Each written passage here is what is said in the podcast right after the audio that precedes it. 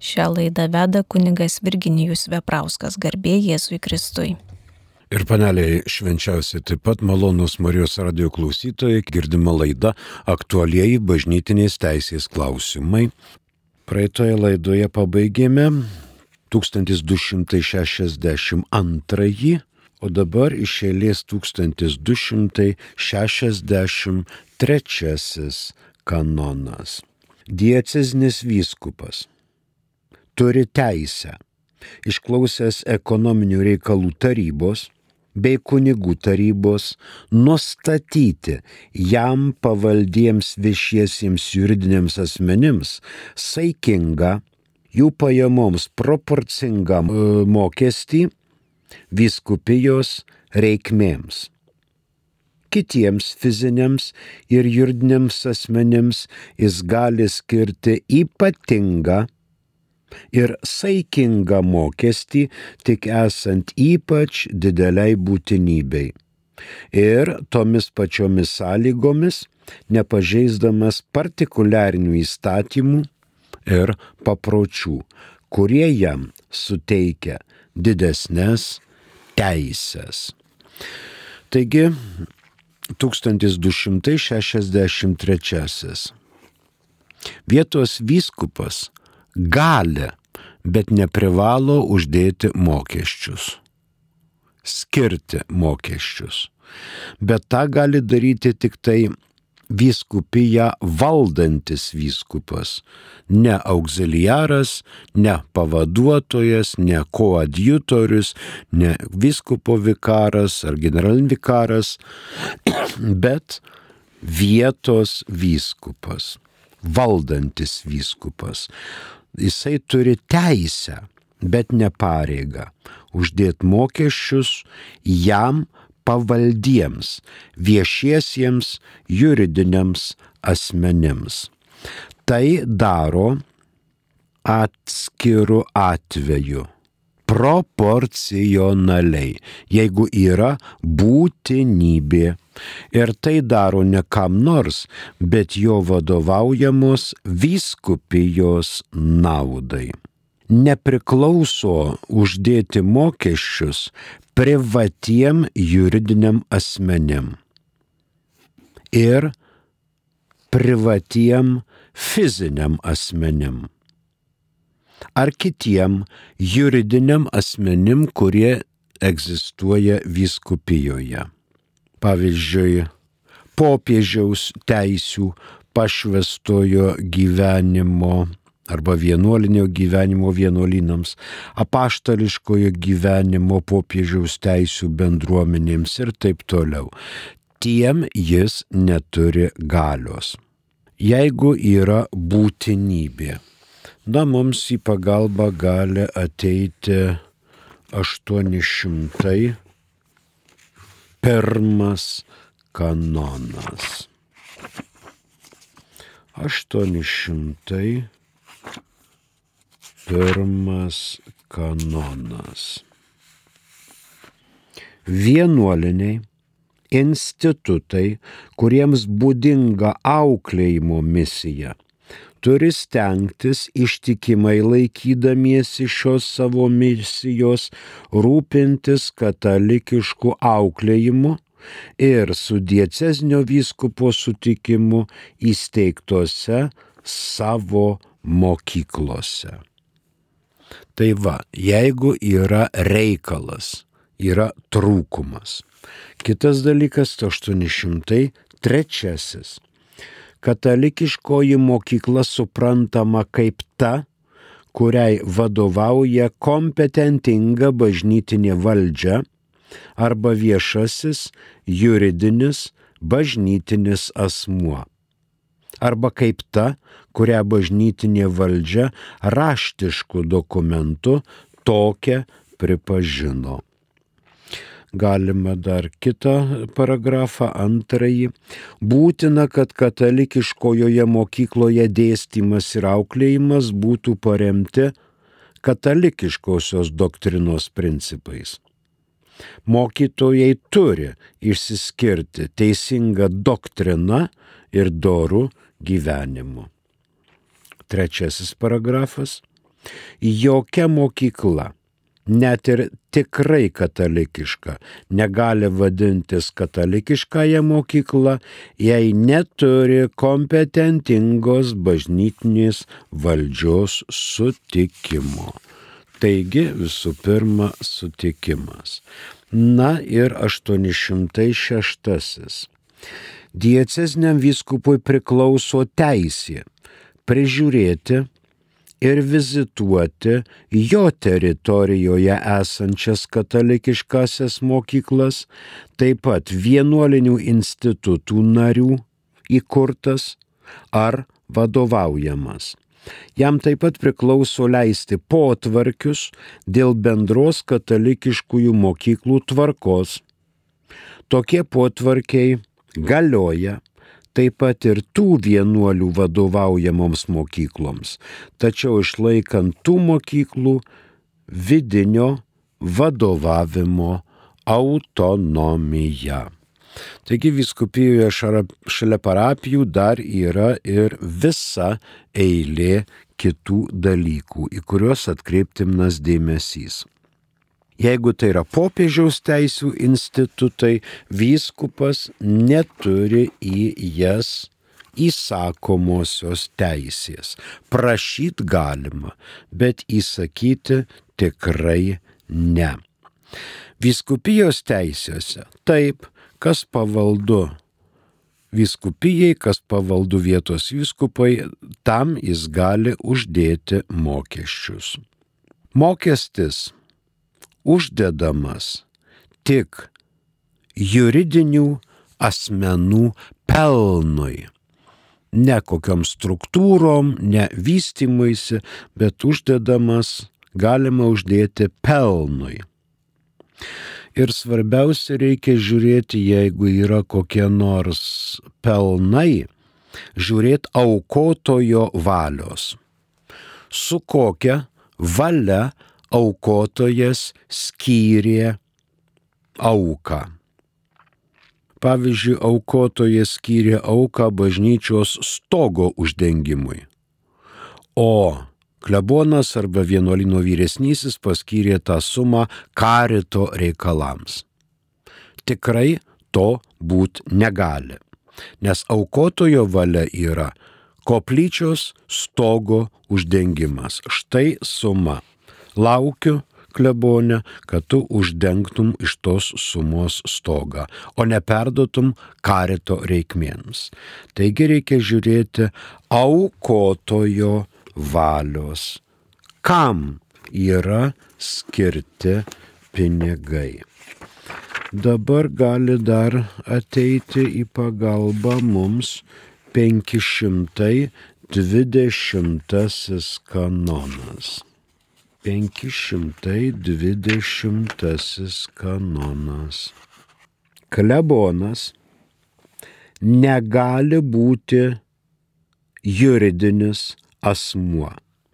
Tačiau diecizinis vyskupas, bet ne vyskupijos administratorius, gavęs kompetentingų vyresniojo sutikimą, gali patikėti parapiją dvasininkų vienuoliniam institutui ar dvasininkų apaštališkojo gyvenimo draugijai ir netgi įsteigti ją prie instituto ar draugijos bažnyčios.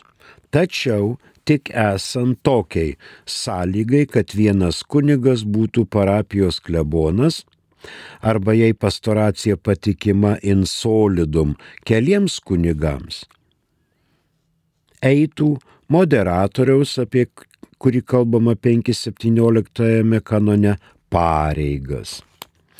Dar galima ir antrą, kuris mums labiausiai rūpi čia Parapijos patikėjimas, apie kurį kalbama pirmajame paragrafe, gali būti padarytas tiek visam laikui, tiek konkrečiam iš anksto nustatytam laikotarpiui.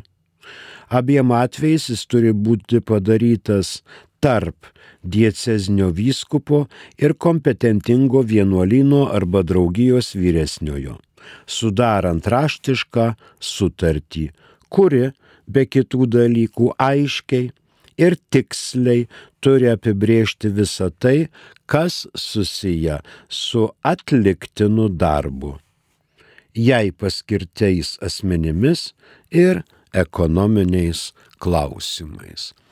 Todėl vyskupas patikėdamas parapiją vienuolyjei turi žiūrėti, ar tai diecezinių teisių, ar tai popiežiaus teisių ir sutartyse turi viską aptarti. Jei parapija pavedama vienuolyjei, sutartyje privalo būti aptariami ekonominiai reikalai. Koplyčios ir bažnyčios, kurios priklauso vienuolijoms, neapmokesdinamos, nes tai dažniausiai yra sujungta drauge su pačia vienuolyje. Vienuolyje ten, kur vienuoliai gyvena, yra arba bažnyčia, arba koplyčia ir tai yra vieningi namai, nedalomi namai, nes kiekviena viskupija privalo turėti savo maldos vietą - koplyčią arba bažnyčią. Dabar jeigu po, dėl vyskupo dekreto jaučiama skriauda, gali būti ir rekursas. Mums į pagalbą ateina 1737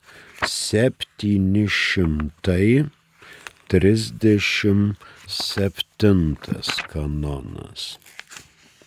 Tas, kuris mano, kad yra nukentėjęs dėl dekreto Rekursą gali pateikti dekretą išleidusiojo hierarchiniam vyresniajam. Dėl bet kokios pagrystos priežasties. Rekursas gali būti pateiktas pačiam dekreto autoriui, kuris privalo jį nedelsdamas perduoti kompetentingam hierarchiniam vyresniajam. Toliau antras. Rekursas turi būti pateiktas per baigtinį 15 naudingų dienų terminą, kuris nurodytais atvejais prasideda nuo dekreto pranešimo dienos, tačiau kitais atvejais prasideda pagal 1735 kanono normą. Na ir trečiasis paragrafas Taip pat ir tais atvejais, kuomet rekursas pačia teisė nesustabdo dekreto vykdymo ir nėra nuspręsta sustabdyti pagal 1736 normą. Dėl svarbios priežasties vyresnysis gali įsakyti sustabdyti vykdymą, tačiau pasirūpindamas, kad sielų išganimas nepatirtų žalos. Taigi prieš vyskupo dekretą galimas rekursas. Vyskupas dėl mokesčių uždėjimo žinoma išleidžia dekretą ne pats savo noru, bet visų pirma išklausęs kunigų tarybos ir ekonominių reikalų tarybos. Ir tai ne parapijos, bet vyskupijos. Dekrete turėtų būti apibrėžiami terminai, pavyzdžiui, uždedamas mokestis metams laiko, pusmečiui, mėnesiui, dviem metam, kad tai būtų kažkoks protingas terminas, o ne visam laikui. Aišku, tikėtina įplaukų suma Jeigu sudegė bažnyčia, susprogo kurija, nukrito malūnsparnis, dar kas nors reikia gyventi ir kol nesurinksime tokios, pavyzdžiui, sumos, tol rinksime. Kai suma surinkta, dekretas stabdomas, mokesčiai nuimami. Na ir žinoma, ekonominių reikalų taryba ir kunigų taryba vykdo tam tikrą kontrolę žiūri, kokių minčių vyskupas turi, paskelbdamas vieną ar kitą dekretą su norimais dalykais, norimam rinkti aukomis. Antra mintis prie 1263. Tik esant svarbiai priežasčiai, gali vietos vyskupas uždėti fiziniam asmenim ir privatiem juridiniam asmenim. Mokesčius išklausęs vėlgi ekonominių reikalų tarybos ir savo kunigų tarybos. Civiliniam juridiniam asmenim vyskupas neturi teisės uždėti mokesčių. Tačiau šie civiliniai juridiniai asmenys turi teisę ir gali bažnyčios aukoms, bažnyčios reikmėms aukoti. Šitie šios rinkliavos gali atsispindėti viskupijos sinodo darbuose arba provincijos darbuose ir turi būti dekretas pagrystas. Ne šiaip sugalvojo ir išleido, bet yra būtinumas. Yra svarbus reikalas. Prasidėjo karas. Sproksta bažnyčios, reikia atstatyti, reikalingos lėšos ir taip toliau. Jau 1917 m. kanonų teisės kodekse 1506 kanonas reglamentavo, kad neapmokesdinamos šventųjų mišių stipendijos. Dabar ši mintis taip pat 83 metų kanonų teisės kodekse taip pat palaikoma neapmokesdinamos šventųjų mišių stipendijos. Rinkliavos dėl arba mokesčiai dėl papildomų pajamų nėra sankcionuotos. Viskupas negali pasakyti, jeigu jūs nemokate, paduosim į teismą ar sėsit į kalėjimą. To ne. Dekretas yra prašoma forma, kiek kas galite prisidėti. Tačiau tai nėra sankcionuota. Ir trečioji mintis prie 1263 kanono yra. Rinkliavos gali būti daromos. Kam? Kurijos institucijų išlaikymui, seminarijai, karito reikalams, viskupijos jaunimo reikalams, katechetiniam centrui, šeimų centrui universitetui, formacijos namams, įvairiems konviktams, kur lavinami jauni žmonės ir taip toliau. Dabar uždedami pagal ką? Paprastai pagal parapiečių skaičių. Čia yra 70 tūkstančių, tiek reikia surinkti, čia yra 10 tūkstančių parapiečių, reikia surinkti tiek. Čia yra tūkstantis parapiečių, va yra proporcingai tiek surinkti. Ir taip toliau. Vyskupo dekrete tai turi atsispindėti. Na tai 1263 pabaigėme, rytų kanonuose atitikmuo yra 1012 kanonas. 1263 fiksuojame. Dieceznis vyskupas turi teisę, išklausęs ekonominių reikalų tarybos bei kunigų tarybos, nustatyti jam pavaldiems viešiesiems juridiniams asmenims saikingą, jų pajamoms proporcingą mokestį vyskupijos reikmėms. Kitiems fiziniams ir juridiniams asmenims jis gali skirti ypatingą ir saikingą mokestį, tik esant ypač dideliai būtinybei. Ir tomis pačiomis sąlygomis, nepažeisdamas partikuliarinių įstatymų ir papročių, kurie jam suteikia didesnės teisės. Mūsų pasiekė sama žinutė, prašom. Jonas iš Klaipėdos klausia, ar teisingas teiginys, kad visos valdžios nuo Dievo. Taip teisingas. O jūs norite diskutuoti? Gal čia jūsų citatoje ne visos valdžios iš Dievo, bet visa valdžia iš Dievo. Gal čia prastas vertimas į lietuvių kalbą, bet čia prasmė tokia, kad nebūtų anarchijos. Anarchija yra, reiškia, tvarkos motina, kaip mes matom. Darai, ką nori ir darai, ką nori. Ir ką nori, darai. Tai nėra tvarka, o visa valdžia iš Dievo. Visa tvarka iš Dievo.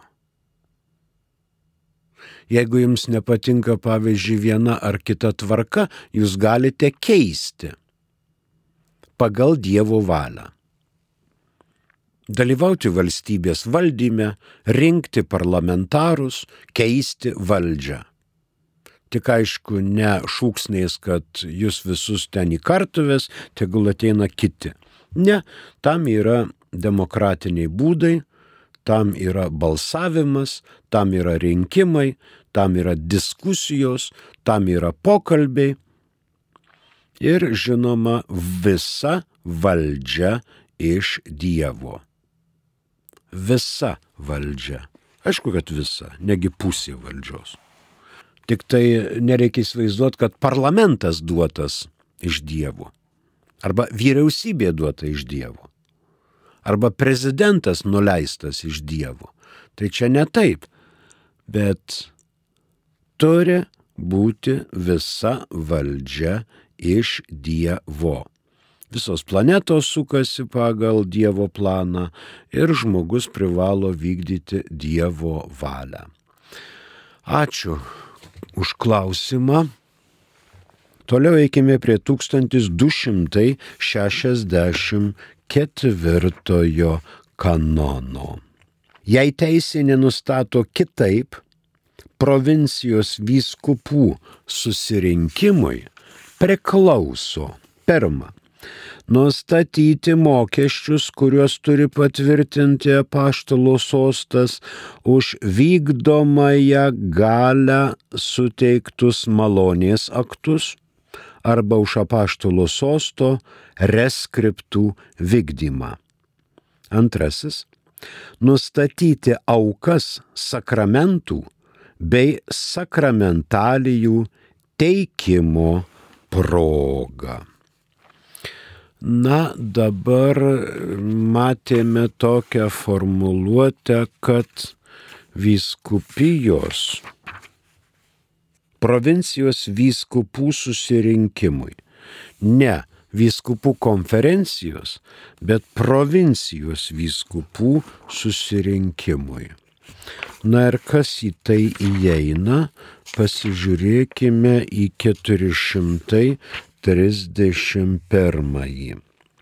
Čia apie bažnytinės provincijas ir bažnytinius regionus.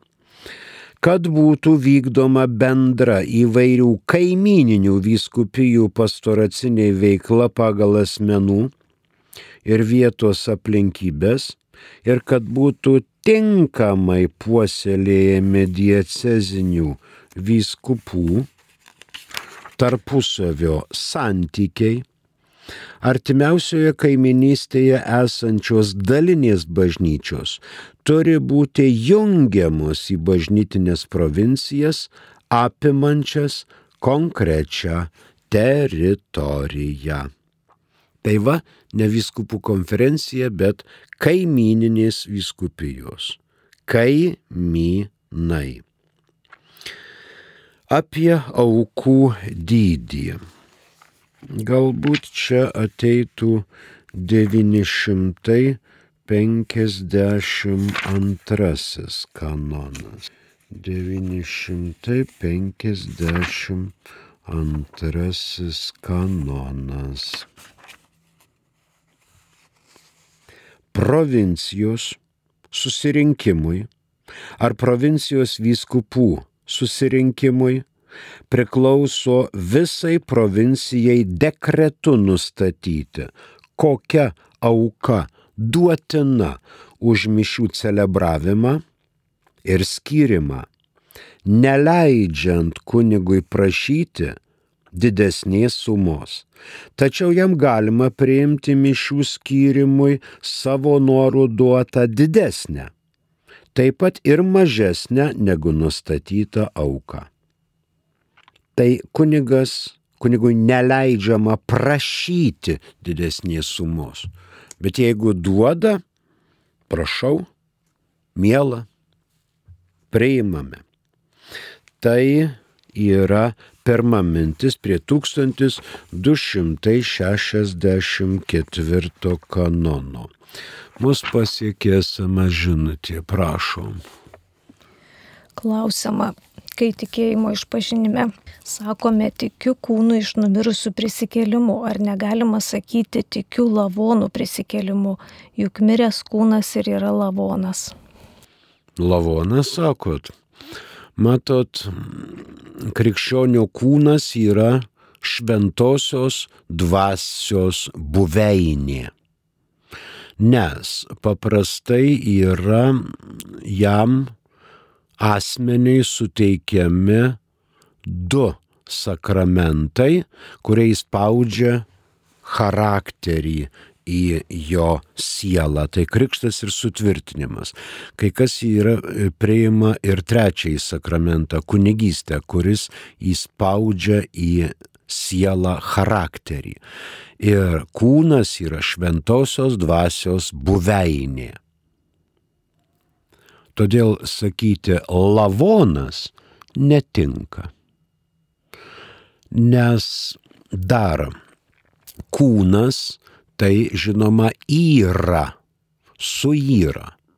Bet jeigu kūnas sudega, susproksta, dabar, pavyzdžiui, Ukraino karo metu ten dingė be žinios. Na, aišku, patranka sušaudė ir ten sviedinys pataikė ir į molekulės išsitaškė kūnas. Tai negalima sakyti, kad lavonas kelsis. Kūnas kelsis. Vėl tos visos molekulės susirinks į vieną vietą ir kils kūnas. Jeigu jau mes sakome, kad kūnas, tai reiškia pagarba krikščioniui. Tikra pagarba krikščioniui, bet ne lavonui. Ačiū. Mums į pagalbą dar ateina 130 šeštas kanonas, aiškinamis 1264. Antra mintis. Vykdomąją, vykdomąją valdžią pavaldinių, net jei jų ir nebūtų teritorijoje atžvilgių, gali naudoti asmuo, net ir nebūdamas teritorijoje, nebent kitaip reikalautų dalyko prigimtis ar teisės nuostata. Ja galima naudoti keleivių esančių teritorijoje atžvilgių, kai reikia suteikti malonės ar vykdyti tiek visuotinius, tiek partikuliarnius įstatymus, kurių šie privalo laikytis. Taigi jeigu vyskupo ir nėra teritorijoje, bet jis uždeda reikalavimus ir ten tie visi klajūnai, atejūnai turi šitų partikuliarinių įstatymų laikytis. Vienoj vyskupijoje vienaip, kitoj vyskupijoje kitaip. Dar galime žvilgterėti į 1600 vienuoliktąjį kanoną. 1611 kanonas, ketvirtas laipsnelis. Sprendimas privalo čia teisminis sprendimas, privalo nuspręsti dėl teismo išlaidų. Jeigu bažnytinis teismas priėmė sprendimą, kad išlaidas padengia kūrija arba vyskupo kokia institucija, šito teismo nurodymų reikia laikytis. Jeigu apaštalų sostas atsiuntė reskriptą, kuriuo reikia tą ar tą padaryti ir nėra galimybių lėšų, galima rinkti lėšas šio sprendimo įgyvendinimui. Tai buvo antra mintis prie 1264. Dabar trečioji mintis. Vėl gali ateiti 958 kanonas antras paragrafas. 952 antras paragrafas. Perskaitykime ir pirmą. Provincijos susirinkimui ir provincijos vyskupų susirinkimui priklauso visai provincijai dekretu nustatyti, kokia auka duotina už mišių celebravimą ir skyrimą neleidžiant kunigui prašyti didesnės sumos. Tačiau jau galima priimti mišių skyrimui savo norų duotą didesnę, taip pat ir mažesnę negu nustatyta auka. Dabar mums rūpimas antrasis. Ten, kur nėra tokio dekreto, turi būti laikomasi vyskupijoje galiojančio papročio. Na ir perskaitykime trečiąjį. To paties dekreto arba vietos papročio, apie kuriuos kalbama čia pirmam antram paragrafe, privalo laikytis ir visų vienuolinių institutų nariai. Taigi galima kalbėti apie sakramentų ir sakramentalijų dydžius aukų dydžius. Dar mums ateina į pagalbą 947. Auka už mišes turi būti saugoma nuo bet kokio panašumo į verslą ar prekybą. Na ir 840 Aštuntasis kanonas. Dvasininkas už sakramentų suteikimą neturi nieko prašyti, išskyrus kompetentingos valdžios nustatytą auką. Visada rūpindamasis, kad vargingieji dėl neturto neliktų be sakramentų pagalbos. Sakramentai teiktini. Rytų kanonuose 1264 atitikmuo yra 1030. 1013 kanonas. 1264 jį fiksuojame. Jei teisė nenustato kitaip, provincijos vyskupų susirinkimui priklauso. Pirma. Nustatyti mokesčius, kuriuos turi patvirtinti apaštalų sostas už vykdomąją galę suteiktus malonės aktus arba už apaštalų sosto reskriptų vykdymą. Antra. Nustatyti aukas sakramentų bei sakramentalijų teikimo proga. Tai 1264 pabaigėme ir dabar eisime prie 1265. Jo, bet atrodo, kad mūsų laikas išseko jau Pabaigsime laidą, prie mikrofono dirbo kunigas Virginijus Veprauskas, ačiū ir sudė.